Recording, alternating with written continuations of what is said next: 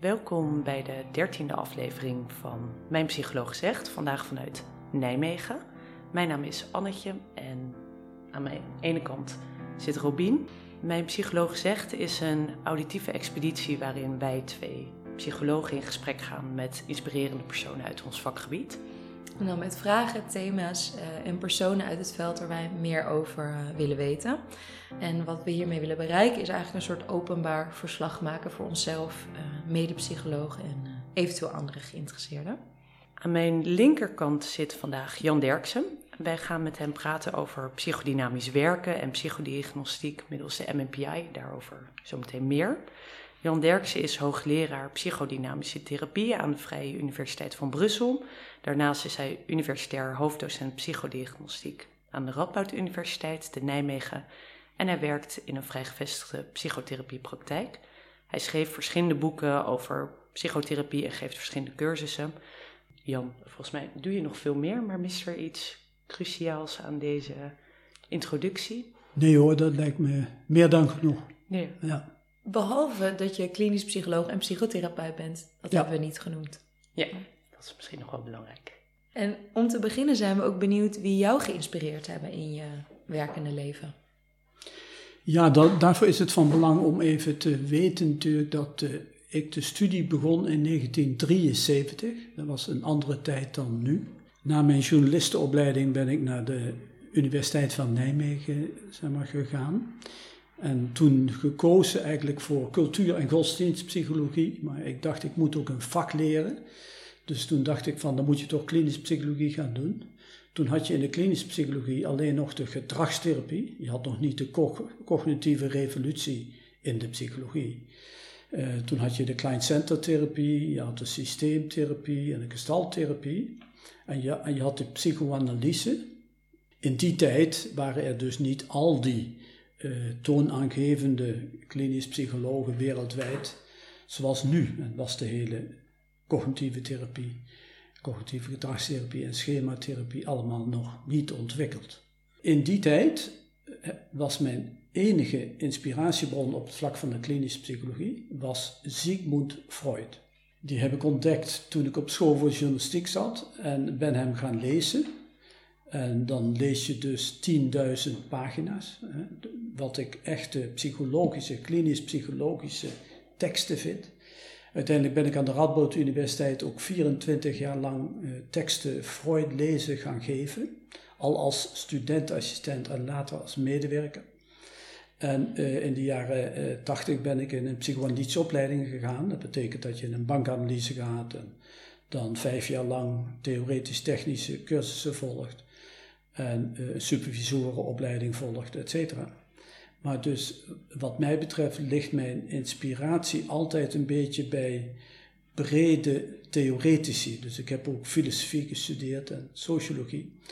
En ik hou ervan om eh, de founding fathers in een vakgebied goed te kennen. Want ik merkte in het eerste studiejaar dat er veel over Freud werd gesproken, maar eigenlijk op een manier die helemaal niet leek op wat ik bij hem las in al die honderden pagina's. Dus en de originele teksten, ook in de filosofie is dat zo. Als je het over Nietzsche hebt, kun je het toch het beste zelf lezen, of over Hegel. En als je de originele teksten eh, gaat lezen, dan begrijp je uiteindelijk beter eh, hoe, hoe die theorie in elkaar zit. Wat werd er over Freud gedoseerd en wat las jij? Wat was het verschil daartussen? Dan las je in het handboek wat we toen hadden, Hilgert en Atkinson, dat eh, Freud een theory of motivation had ontwikkeld. Dat seks en agressie de driften waren. En dat was een soort pool van verderf. En daar moest dat ego dan mee worstelen en die had dan overal last van. Eh, en, en dat waren hele beknopte teksten. Terwijl als je Freud zelf leest, eh, bijvoorbeeld een tekst van hem, Das Ich und das Es. Eh, dus dan lees je echt zuiver psychologische theorie over hoe onze intrapsychische architectuur in elkaar zit. In elkaar kan zitten, dat is natuurlijk altijd hypothetisch. Die, en die theorie die heeft hij opgebouwd op basis van het feit dat hij acht patiënten per dag zag, negen patiënten per dag zag, voor eh, zes dagen in de week. En op basis van die analyses van patiënten heeft hij een theorie over het onbewuste eh, ontwikkeld. En daaraan hebben vroege analytici meegewerkt. En het goed bestuderen van die theorie is voor mij tot op de dag van, van vandaag de meeste inspiratie om te snappen wat er bij mensen in psychologisch opzicht allemaal kan gebeuren. Van op welke wijze mensen in elkaar kunnen zitten en hoe dat kan ontregelen en hoe dat kan ontsporen. Dus dan heb je als het ware een heel uitgebreide landkaart van het psychisme.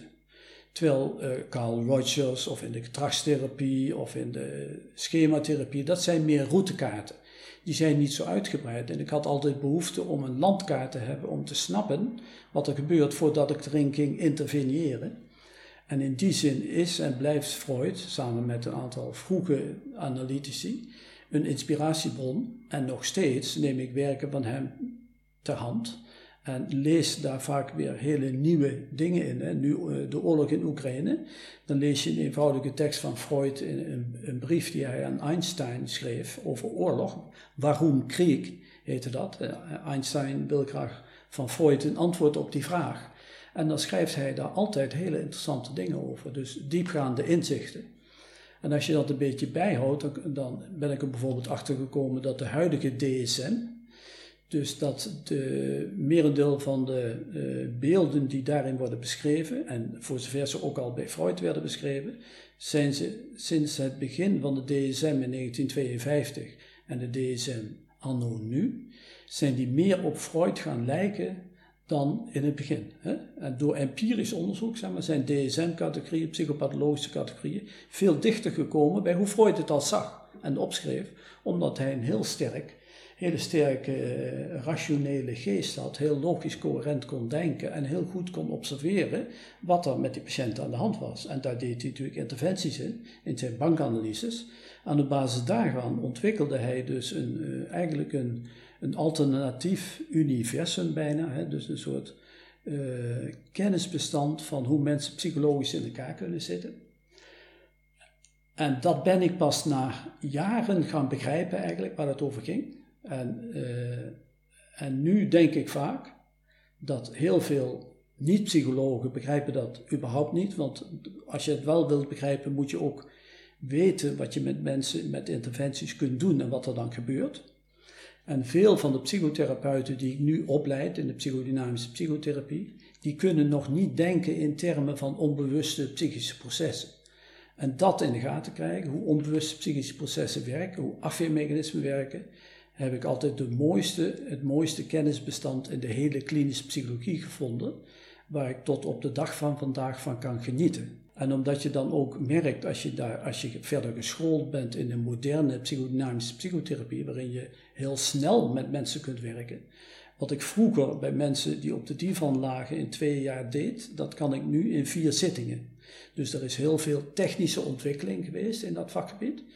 En uh, en die technische ontwikkeling bij gelijkblijvende theoretische teksten, en daar is ook wel ontwikkeling in, maar minder, kun je dus nu eh, met, in die combinatie van goed snappen wat er aan de hand is en snelle interventies doen, mensen veel beter helpen en veel zeg maar, diepgaander helpen. En daar gaan we zo meteen nog dieper op in hoor, hoe je dan dat onderbewuste in de, in de spreekkamer uh, krijgt. Freud zegt misschien ook al heel veel over hoe jij werkt als behandelaar, maar daar zijn we inderdaad ook nog benieuwd naar. Hè? Van wat, wat jouw stijl is of waar jouw cliënten jou en misschien ook wel jouw studenten jou aan kunnen herkennen? Uh, nou, ik heb naast die psychoanalytische dingen 40, 40, jaar onderwijs in de psychologische diagnostiek gegeven aan de Radboud Universiteit. Dus ik ben gewend om uitgebreid klinisch psychodiagnostisch onderzoek te doen. En dat betekent dat ik met zeg maar, patiënten empathisch en respectvol, wat heel belangrijk is, dat ik ze onderzoek in het gesprek. En dus tamelijk degelijk spreek over hun levensloop, over hun agressieregulatie, over hun intieme en seksuele kanten van hun probleem, over hun persoonlijkheid, over hun sadistische en masochistische trekken, over alle meer dieper liggende patronen die in mensen zitten. Daar onderzoek ik ze op, gebruik dan ook instrumenten. MMPI is een brede screener, die helpt daarbij, maar ik gebruik ook nog steeds projectieve technieken, die zijn een beetje uit de mode. Maar die zijn als een variant op het gesprek goed bruikbaar. Morgen geef ik weer de hele dag college aan de Universiteit van Tilburg bij medische psychologie in het gebruik van projectieve technieken. Maar ik ben de enige die ze nog daarvoor kunnen vinden. Hè? Want dat wordt niet onderhouden, dat vakgebied. Dus ik onderzoek complexe patiënten liefst uitgebreid met behulp van drie databronnen. Kijken, heel goed naar iemand kijken. Praten, goed, goed onderzoeksgesprekken doen en instrumenten. En komt dan tot diagnostische hypotheses, nooit tot conclusies. En die diagnostische hypotheses toets je via de interventies in de behandeling. En in mijn diagnostiek ben ik zeg maar uh, neutraal en abstinent, respectvol en aardig, maar ook uh, ik, ik, ik ga niet met patiënten zitten te lachen of ga mijn tijd niet verdoen. Ze krijgen mij geen thee of koffie, alleen als het heel warm is heb ik een kan water staan. En in die drie kwartier die ik heb, ben ik heel hard aan het werk met ze. In de behandeling uh, ga je in het hier en nu heel diep in hun emotionele leven. En daarvoor doe je dus allerlei interventies, waardoor mensen uiteindelijk zich heel sterk aan je hechten. En ze, en ze dus op je vertrouwen en, en, en die, eh, psychotherapeutisch, eh, dat psychotherapeutisch proces met je mee durven maken. En dan, ja, dus in, in, in de regel uh, gaat dat heel goed. Je hebt natuurlijk ook altijd uh, casussen waarbij dat niet lukt, of mensen die daar niet, voor, die daar niet mee te helpen zijn, die zijn er altijd. Idealiter heb je dat zo snel mogelijk in de gaten, ga je mensen niet belasten met een, een, vorm van hulpverlening die niks bijdraagt. En ze hebben het meestal toch al lastig. Hè? Dus ik werk ook uiteindelijk uitsluitend met mensen die ook voldoende lijdensdruk hebben. Als iemand lachend binnenkomt en zegt dat hij ook wel eens een keer uh, wat meer over zichzelf wil leren kennen, dan stuur ik hem naar een coach en dan moet hij dat gewoon zelf betalen, want dat valt natuurlijk niet onder de zorg. Dus is dan ook een deel van jouw stijl echt dat samen hard werken en ja, eigenlijk niet lanterfanten, maar meteen de diepte in en dat dan wel een sneltrein vaart. Ja. ja. Bij mensen die dat ook aankunnen, en, en de diagnostiek dient er natuurlijk voor om uit te zoeken of dat die behandeling die hier op de juiste plaats is. Ja. Uh, dus ook wel stapsgewijs. Dus het stuk diagnostiek, wat dan bestaat uit kijken en um, in gesprek gaan en je instrumenten. En dan vervolgens die hypotheses toetsen en dan dus een tegelijkertijd bouw je dan denk ik ook die hechting op en dan ga je de behandeling in. Ja, maar in de behandeling toets ik pas de hypotheses. Uh, dus in de diagnostiek heb ik geen conclusies. Ook op vlak van de neuropsychologie niet. Dus dat vind ik een misvatting. Dat zijn hypotheses. En uh, uiteindelijk is de meest volledige behandeling de meest volledige toetsing van je hypotheses. Als je een psychoanalytische duiding doet, bijvoorbeeld, zou het kunnen zijn dat u in plaats van verdrietig eigenlijk heel jaloers bent dan is uh, de ondersteuning van die hypothese komt pas als mensen die jaloezie ontdekken. Als ze dan in het hier en nu contact zeggen van, zo had ik het nog nooit gezien. Oh ja, nee, nou voel ik het wel, ja. Ik ben eigenlijk ontzettend, et cetera. Dus, dus dat de klinische praxis ondersteunt of ondersteunt die diagnostische hypotheses niet. Als ze niet ondersteund worden, laat je ze los. Worden ze wel ondersteund, dan volg je ze. Dus je werkt altijd via de empirische cyclus.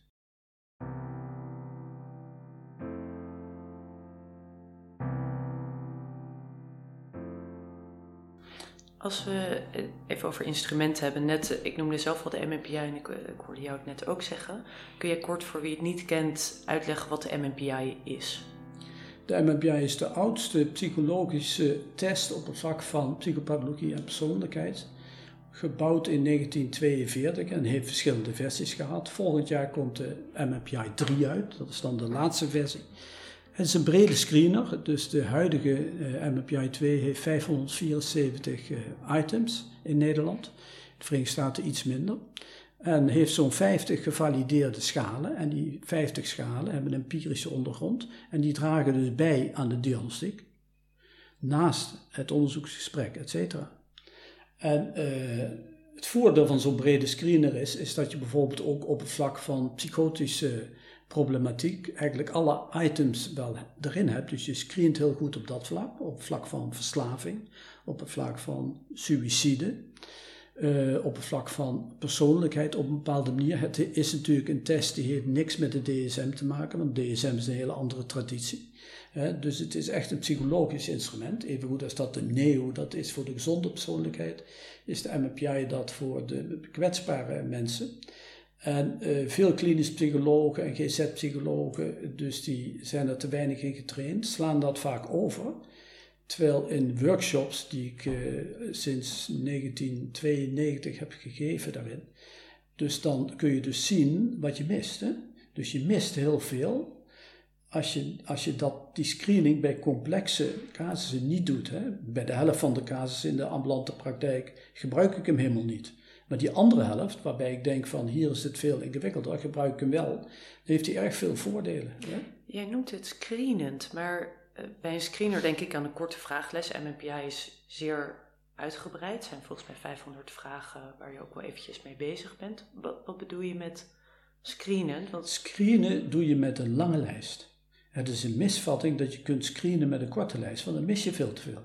Dus als je wilt screenen, gebruik zoveel mogelijk items. En als je de MMPI gebruikt als screener, dan heb je al die korte vragenlijstmethoden heb je niet meer nodig, want die zitten er allemaal in. En zeg je ook dat je juist gaat screenen op het moment dat jij gevoelsmatig uh, de indruk hebt dat, het, dat de problematiek complex is? Ja, maar niet, niet alleen gevoelsmatig, dat krijg je natuurlijk ook uit het onderzoeksgesprek wat je met iemand doet. Hè? Mm.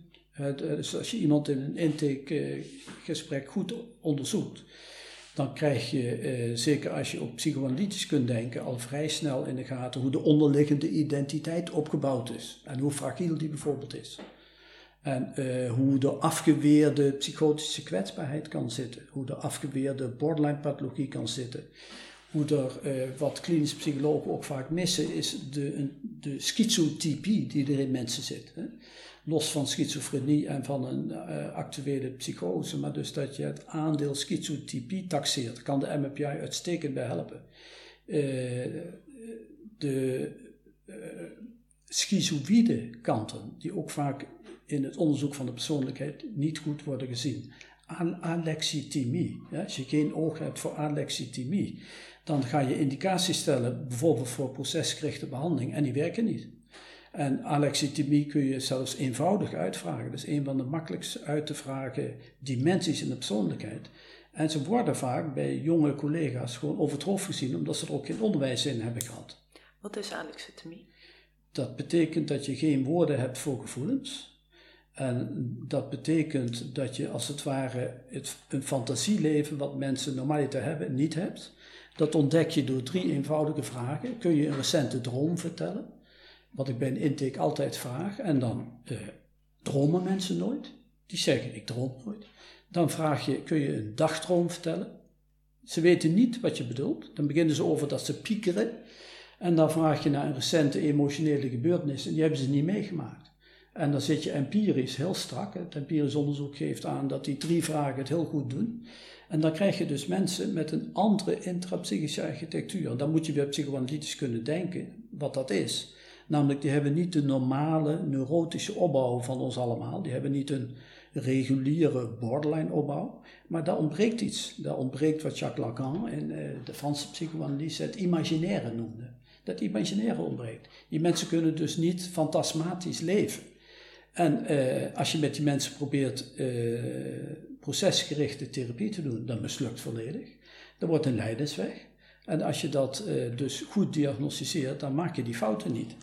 Hetzelfde bij schizotypie, hè, wat een soort variant op schizofrenie is, maar anders. En als je dat goed diagnosticeert, ga je geen ontdekkende gesprekken doen, maar dan gaat het slechter. Wat kan je wel inzetten bij mensen met alexithymie?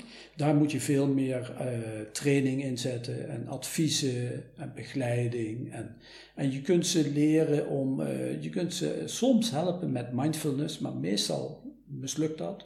Omdat die binnenwereld verkennen, dat werkt niet. En dan, uh, en dan moet je dus aansluiten bij wat ze wel kunnen. En dat is veel meer op gedragsniveau. En belangrijk is dat de, partner ook weet dat dat zo zit. Hè. Dus, want ik zie ook altijd de partner als ik dat onderzoek heb gedaan. Want die partner zegt altijd van, ja, hij, hij of zij, van ik kan niet met hem praten. Vaak, vaak is de partner een vrouw. En is de alexitime persoon een man, maar dat kan ook wisselen. En die vrouwen zeggen dan van, ik kan niet met hem praten. Dus we hebben nooit een gesprek over gevoelens. En, en als, ze, als, ze dan, als je daarbij dan dat uit kunt leggen, dan gaan ze elkaar niet meer zo uh, achterna zitten te jagen over iets wat er toch niet is. Et cetera. En zo zijn er binnen de klinische psychologie veel aandachtsgebieden. En ik merk in mijn werk voor het consultatiecentrum, Centrum voor Consultatie en Expertise, dat overheidscentrum, eh, waarbij ik consulent ben om vastgelopen gevallen in de GGZ mee op te lossen. Heel vaak is die diagnostiek niet gedaan. Hebben ze geen MMPI afgenomen, waardoor ze dus ook niet op het idee zijn gekomen van schizotypie of schizopidie of van een psychotische kwetsbaarheid. En dan worden er dus stappen overgeslagen in de diagnostiek die, die de klinisch psychologen en de meeste GZ-psychologen eigenlijk heel goed kunnen zetten. Hey, en als mensen wel over zo'n uh, zo onderbewuste emotionele wereld beschikken, hoe krijg je in therapie dat, dat onderbewuste uh, op tafel of in de spreekkamer? Nou, in het intakegesprek vraag ik dus altijd al naar vertellen ze recente droom. En dan krijg ik meteen heel veel op tafel als mensen, merendeel van de mensen droomt. En die uh, hebben net zitten te vertellen dat ze zeg maar angstig zijn en een paniekstoornis hebben. En dat ze wat sociale angsten hebben. En die hebben mij ook verteld dat ze eigenlijk nooit boos worden. En dat ze zeg maar vermijden om conflicten te lopen. En dat er vroeger te veel ruzie in het gezin was, et cetera. En dan vertellen ze mij een droom. En dan gaat die droom over een oorlog. En dan zeg ik al tegen ze, ik zeg, goh, frappant hè. In jouw droom zit veel agressie en in jouw dagelijks leven, daar vermijd je het. Zal het iets met elkaar te maken kunnen hebben? Dus dan breng je al een, een ander zeg maar, gezichtspunt aan. En dan kijk je of mensen daar iets mee kunnen. En er zijn vaak mensen die zeggen van ja, wat raar eigenlijk, wat apart. Ja, wat schiet je nou te binnen? Dus dan vraag je naar invallen. Zeg maar, vertel eens wat je bij die droom zeg maar, te binnen schiet, bij wat er in die droom gebeurde. En dan komt er heel ander, ander materiaal naar boven. En dan zeggen ze soms al na afloop van de intake, gek zegt, had ik allemaal nooit gedacht dat het er allemaal mee te maken had. Dan maak je al een beginnetje. En in de ambulante praktijk, met die twaalf zittingen, kun je uh, veel uh, werk bij neurotisch gestructureerde mensen in korte uh, op in dat kort aantal zittingen doen als je dit soort technieken gebruikt. En dan vervolgens gebruiken we in de psychodynamische psychotherapie, integreren we alle lichaamsexpressies in de behandeling. we doen karakterafweer wordt gespiegeld, tactische afweer wordt geduid. Dus we hebben een heel set aan technieken die niet in de schematherapie bestaan en ook niet in de cognitieve gedragstherapie bestaan, maar die ontwikkeld zijn binnen die psychodynamische psychotherapie. En die uh, zet je in, waardoor mensen heel snel in het hier en nu primaire emoties gaan voelen. Dan worden ze, komt er heel snel het hier en nu uh, woede naar boven, of walging, of schaamte, of schuld, of verliefdheid, of uh, hè? veel sterk verdriet, echt verdriet, niet een beetje tranen, maar echt verdriet.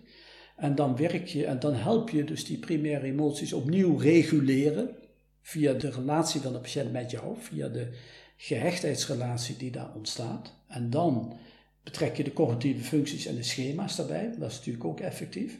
En je verruimt het bewustzijn. En dan met die vier ingrediënten herstructureer je de persoonlijkheid op dezelfde manier als hoe die in de kindertijd ontstond. Heb je een voorbeeld van, van een van die technieken die je kan gebruiken om zo'n primaire emotie op te roepen of in de kamer te krijgen? Ja, dus iemand vertelt over zijn somberheid en lacht daarbij. En uh, in die therapievorm ben je heel erg getraind om alles te zien. En dan zeg je dus, u lacht. Dan spiegel je dat, heet dat. Mensen weten niet dat ze lachen, dat is onbewust op dat moment. Dan maak je dat bewust. Op dat moment valt het lachen even weg en dan krijgen ze een inval. Dan komt de kwetsbaarheid, waar tegen dat lachen ze beschermt, komt naar boven. En dan zorg je dat je die kwetsbaarheid met ze naar boven tilt. Die hengel je naar boven. En dan krijgen ze in één keer hele andere invallen. Dan krijgen ze in één keer zoiets van: ik ben helemaal ik ben helemaal niet vrolijk. Ik ben, dan krijg ik een beeld van mijn moeder. Ik ben woedend. Hè? Dus en dan steek je zo heel snel zeg maar, de diepte in. En dan met andere technieken help je dan die primaire emoties naar boven tillen. En die werk je dan door met cognities, het bewustzijn. En zo is er een set van technieken. Morgen begin ik weer met een nieuwe cursus bij uh, Care and Cure Development in Arnhem, waarbij uh, eh, 18 mensen weer meedoen. En die leer ik in vier dagen om die technische kant onder de knie te krijgen. En die moeten behoorlijk wat lezen, zodat ze ook wat psychoanalytische concepten snappen. Jij noemt bij deze behandeling dat uh, de manier van persoonlijkheidsstructurering, dus bijvoorbeeld neurotisch of, of borderline psychotisch, dat dat belangrijk is. Maar ik zit te denken, maakt het intelligentieniveau hier ook nog in uit? Ja, dus uh, emotionele intelligentie is vaak belangrijker dan cognitieve intelligentie. Hè? Dus maar als mensen een cognitieve intelligentie hebben van uh, ver onder de 85, gemiddeld, en vooral op de verbaal begripindex, zeg maar. Als ze daar ver onder zitten, dan kun je natuurlijk niet zoveel permitteren. dus die behandelingen die zijn wat beperkt door het verbaal begrip van mensen. Niet door de gehele intelligentie, maar vooral die index. Dus als je daar twijfels over hebt, moet je dat natuurlijk eerst meten. Maar, uh, maar je kunt het veel vaker toepassen dan je zelf aanvankelijk denkt. En, uh, en belangrijk is natuurlijk wel dat je mensen erin meekrijgt en, en dat ze het ook snappen waarom je dat doet. Hè? Soms heb ik ook wel eens gehad, als ik een dergelijke interventie inzette, dus iets aangeven, iets teruggeven, dat je dan tegen afweer aanloopt. Dus dat mensen daar boos over worden. Prima. Hè? En, en tegen afweer aanlopen is precies de bedoeling, want die afweer pak je vervolgens aan. En we hebben dus heel veel vaardigheden om die afweer te tackelen en mensen te helpen om authentiek te worden. in een authentiek communicatie zeg maar, proces terecht te komen. En, en die afweer kun je op allerlei manieren aanpakken. Daar, daar, heb je als, op den duur als psychotherapeut heb je drie, vierhonderd zinnen klaarstaan om te gebruiken bij de verschillende typen afweren. Het mooiste in de hele psychologie vind ik de afweermechanismen. Als je die goed kent, dan zie je ze altijd en overal. Doe er niks mee in je dagelijks leven. Gebruik ze alleen in je klinische praktijk. Gebruik ze niet in je relatie, niet bij je familie, niet bij je buren. Maar dus in je, in je klinisch werk zijn ze fantastisch, want dan je luistert naar iemand. En ik luister eigenlijk zelf na de diagnostiek, luister ik niet meer naar de inhoud van wat iemand zegt, alleen maar naar hoe iemand zegt. Op welke manier en met welke lichamelijke expressies. En daar reageer ik alleen op. En heel snel. Dus daar laat ik niks voorbij gaan. En dan zijn er van die mensen die zeggen van, ja, u hoeft echt niet te denken dat ik niet meer naar mijn werk wil. Dus dit is een door tegen, een, een spontane ontkenning. En dan, en dan pak je dat meteen op. Zeg van, ik krijg het cadeau van u. U zegt het, u, u, u zit het hier te ontkennen, terwijl ik heb er niet naar getwijfeld. Dus, zeg nou eens tegen mij, want zo ga je mee om. Ik heb helemaal geen zin meer in mijn werk. Moet ik dat zeggen? Maar dat is niet zo. Zeg het eens tegen mij. Experiment. Zeg eens tegen mij, ik heb geen zin meer in mijn werk. En dan zeggen ze dat, ik heb geen zin meer in mijn werk. En nog harder, zeg het nog eens een keer. Tot de derde of de vierde keer en dan brullen ze het uit en dan zeggen ze van, nou, dat voelt goed. Dus dan trek je die onbewuste strevingen trek je naar, de, naar de oppervlakte. Vroeger, toen ik op mijn 25e begon met die praktijk, had ik een mevrouw die in de overgang zat. Eh, en die zei tegen mij in het eerste gesprek: Meneer Derksen, u hoeft uh, niet te denken dat het in de relatie met mijn man zit. En toen dacht ik nog van: Oké, daar hoef ik er niet aan te denken. Totdat ze dus na x aantal zittingen begon over de relatie met de man en daar alles fout in zat. Maar dus kennis van afweermechanismen, zowel de ontwikkelde als de meer primitieve afweer, als de regressieve en dissociatieve afweermechanismen, zijn uiterst behulpzaam in ons werk. En, maar, maar je moet er wel mee kunnen spelen. Hè? De, eh, eh, dus je moet ze goed snappen en ook snappen wat er gebeurt als je eraan komt en als je ze, eh, als je ze laat instorten. Want in feite laat je ze instorten. En help je mensen dus om authentiek te worden. En dat is het leuke van ons vak. Hè? Als, als je nou zou vragen van wat, wat vind ik nou het leukste van ons vak, is dat je uiteindelijk bij die behandelingen voelt in het contact dat je met ze het hebt over waar je het over moet hebben, dat dat echt is, authentiek is en dat dat ze verandert op dat moment. En dat voelen die mensen die bij je zitten en je aankijken en ik voel dat. En ik heb een keer voor NSC Handelsblad mogen opschrijven waarom ik niet in de politiek zat en wel in de psychotherapie. Dat is precies dit. In de politiek, waar ik jaren ook actief in ben geweest, daar weet je nooit of het daar wel over gaat. Dat is nooit helemaal echt. Psychotherapie, als je dat goed doet, op deze manier echt. Mensen voelen dat en die echte momenten zijn ook de momenten van verandering. Dat is ook wat Carl Rogers zei. Als je, als je in de behandelingssessie zelf dingen ervaart, daar komt verandering vandaan. Niet van al het praten over en over allerlei dingen die geweest zijn of die nog komen moeten. Nee, over het hier en nu. Als we nou het hebben over ons vak, want jij bent ook vrij uitgesproken over de GGZ en wat daarin aangepast zou kunnen worden of hoe die verbeterd zou kunnen worden. Zou je ons daar kort in kunnen meenemen wat jij ziet wat beter kan? Nou, kijk, in de GGZ is het probleem geworden dat de zorgverzekeraars de DSM hebben ontdekt, terwijl ze niet wisten eh, waar de DSM over ging. En die hebben die DSM leidend gemaakt om transparantie te verkrijgen en grip te krijgen op de kosten. En dat is heel jammer, want de DSM is alleen maar de tekst van de buitenkant van een klacht. En die gaat nooit over de binnenkant. Dus dat is wel goed voor de communicatie, maar veel te beperkt voor behandelingen. En eh, daardoor zijn de managers in de GGZ, die ontslag zouden moeten krijgen in plaats van opslag, die zijn zorgpaden gaan maken en die zijn eh, competenties gaan ontwikkelen in de opleidingen daar naartoe. En eh, nu staan, daar loop ik vaak tegenaan bij mijn werk voor het Centrum voor Consultatie en Expertise, staan de zorgpaden centraal. Iemand zit in het verkeerde zorgpad, ja, dan kan hij dat niet krijgen. Moet hij naar een ander zorgpad, maar dat kan niet, want dat is vol. En dan worden ernstige patiënten worden als biljartballen via de band gespeeld. En ik vind dat in de gespecialiseerde GGZ, die zou regionaal moeten werken met een goed team en dan moet de complexe patiënt centraal staan, los van de DSM-classificatie. En ook los van of dat hij een BMI heeft van 12 of uh, eh, 32. Nee, dat hoort bij die complexe patiënt. En als hij suicidaal is, dat hoort ook bij die complexe patiënt. Dan moet je niet zeggen van we trekken onze handen ervan af. Dus je zou een regionaal georganiseerde GGZ moeten hebben met beperkte klinieken erbij, waarbij mensen tijdelijk kunnen worden opgenomen. En waarbij je zeg maar, met een goed team vanuit multidisciplinair zeg maar, kunt werken. En dan liefst een team waar niet iedereen weer vertrekt. Waarbij iemand uh, drie maanden is en dan weer weg is. Hè. Ik, ik uh, maak met de patiënt ook voortdurend mee van dat ze, hebben voortdurend wisselingen van de psychiater, van de klinisch psycholoog, van de GZ-psycholoog. De creatief therapeuten zijn helaas allemaal ontslagen. Die zijn daar uitgewerkt. Terwijl die hebben we zo nodig bij schizotypische patiënten bijvoorbeeld. Hè. En, uh, en die, dus de patiënt moet centraal staan en niet de manager en het zorgpad. En ook niet de hulpverlener. Wij zijn er voor onze patiënten. En daar moet je vanuit gaan. En, en ik, ik moet herhaaldelijk vanuit dat werk tegen het team zeggen van... Denk nou eens vanuit de patiënt. Wat die patiënt nodig heeft. Ja, maar die past niet. Maar die is ook transgender. En die, is ook, die heeft ook trauma's. Maar we weten nog niet goed of, of EMDR kan worden toegepast. Moet hij naar een andere afdeling? Ja, toch op. Ja, toch op. Dus dat is toch geen zorg.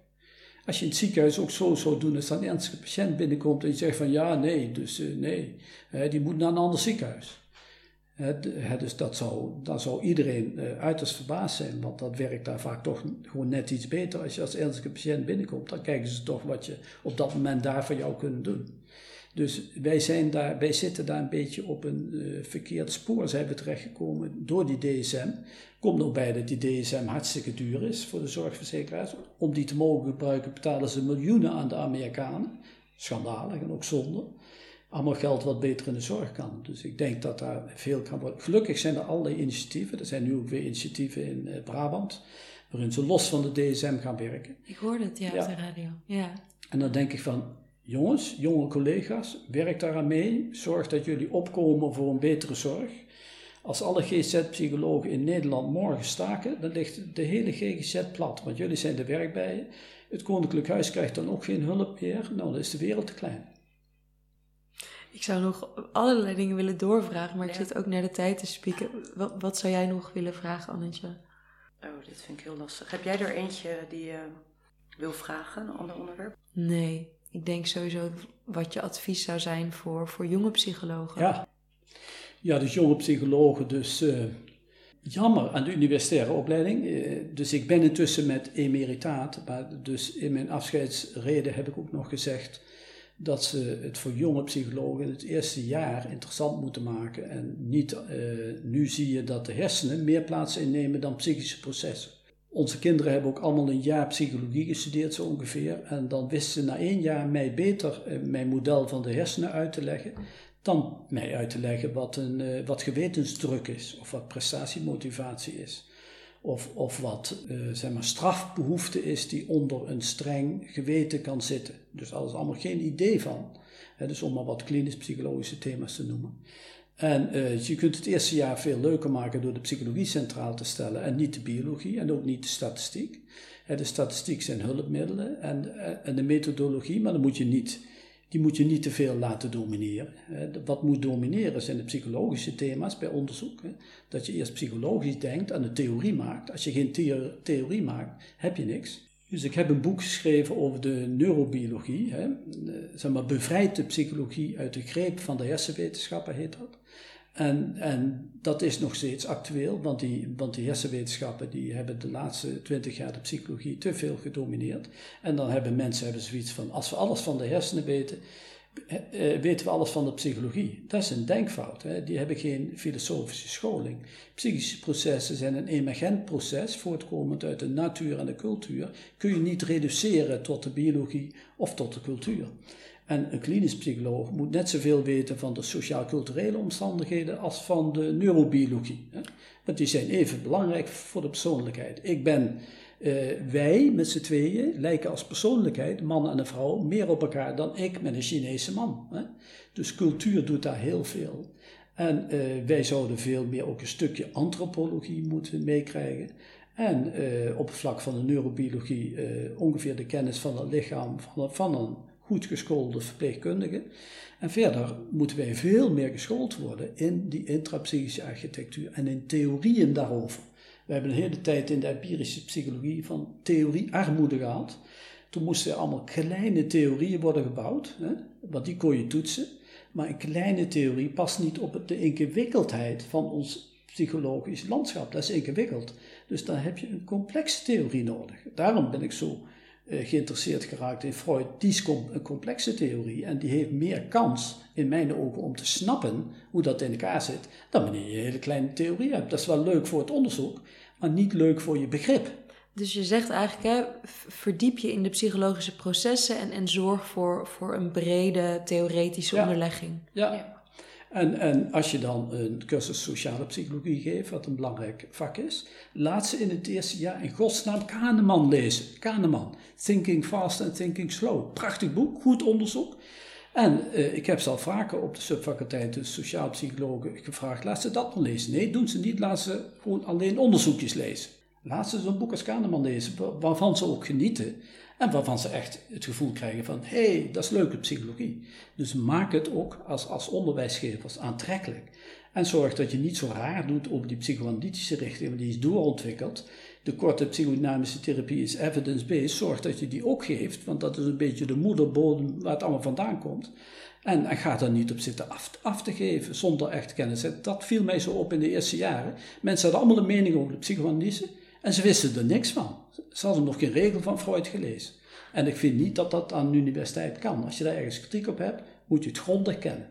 Wat ik wel leuk vind aan Jan is dat hij de eerste is. Wij vragen altijd naar een advies voor jonge psychologen. En jij richt je advies eigenlijk dus op de universiteit en op de opleiders. Ja. En een beetje op de psycholoog. En ik pak zelf ook een boek op Precies, naast, ja. naast de opleiding. Bijvoorbeeld zo'n Kahneman, Thinking Fast and Slow.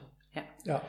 Maar je moet geïnspireerd worden door die docenten en professoren. Dus die moeten in staat zijn om die jonge mensen te inspireren en ze zeg maar uh, ja, het, het, idee te geven dat daar plek voor ze is en dat het interessant is en dat ze erin vooruit kunnen. dus dat is onze verantwoordelijkheid.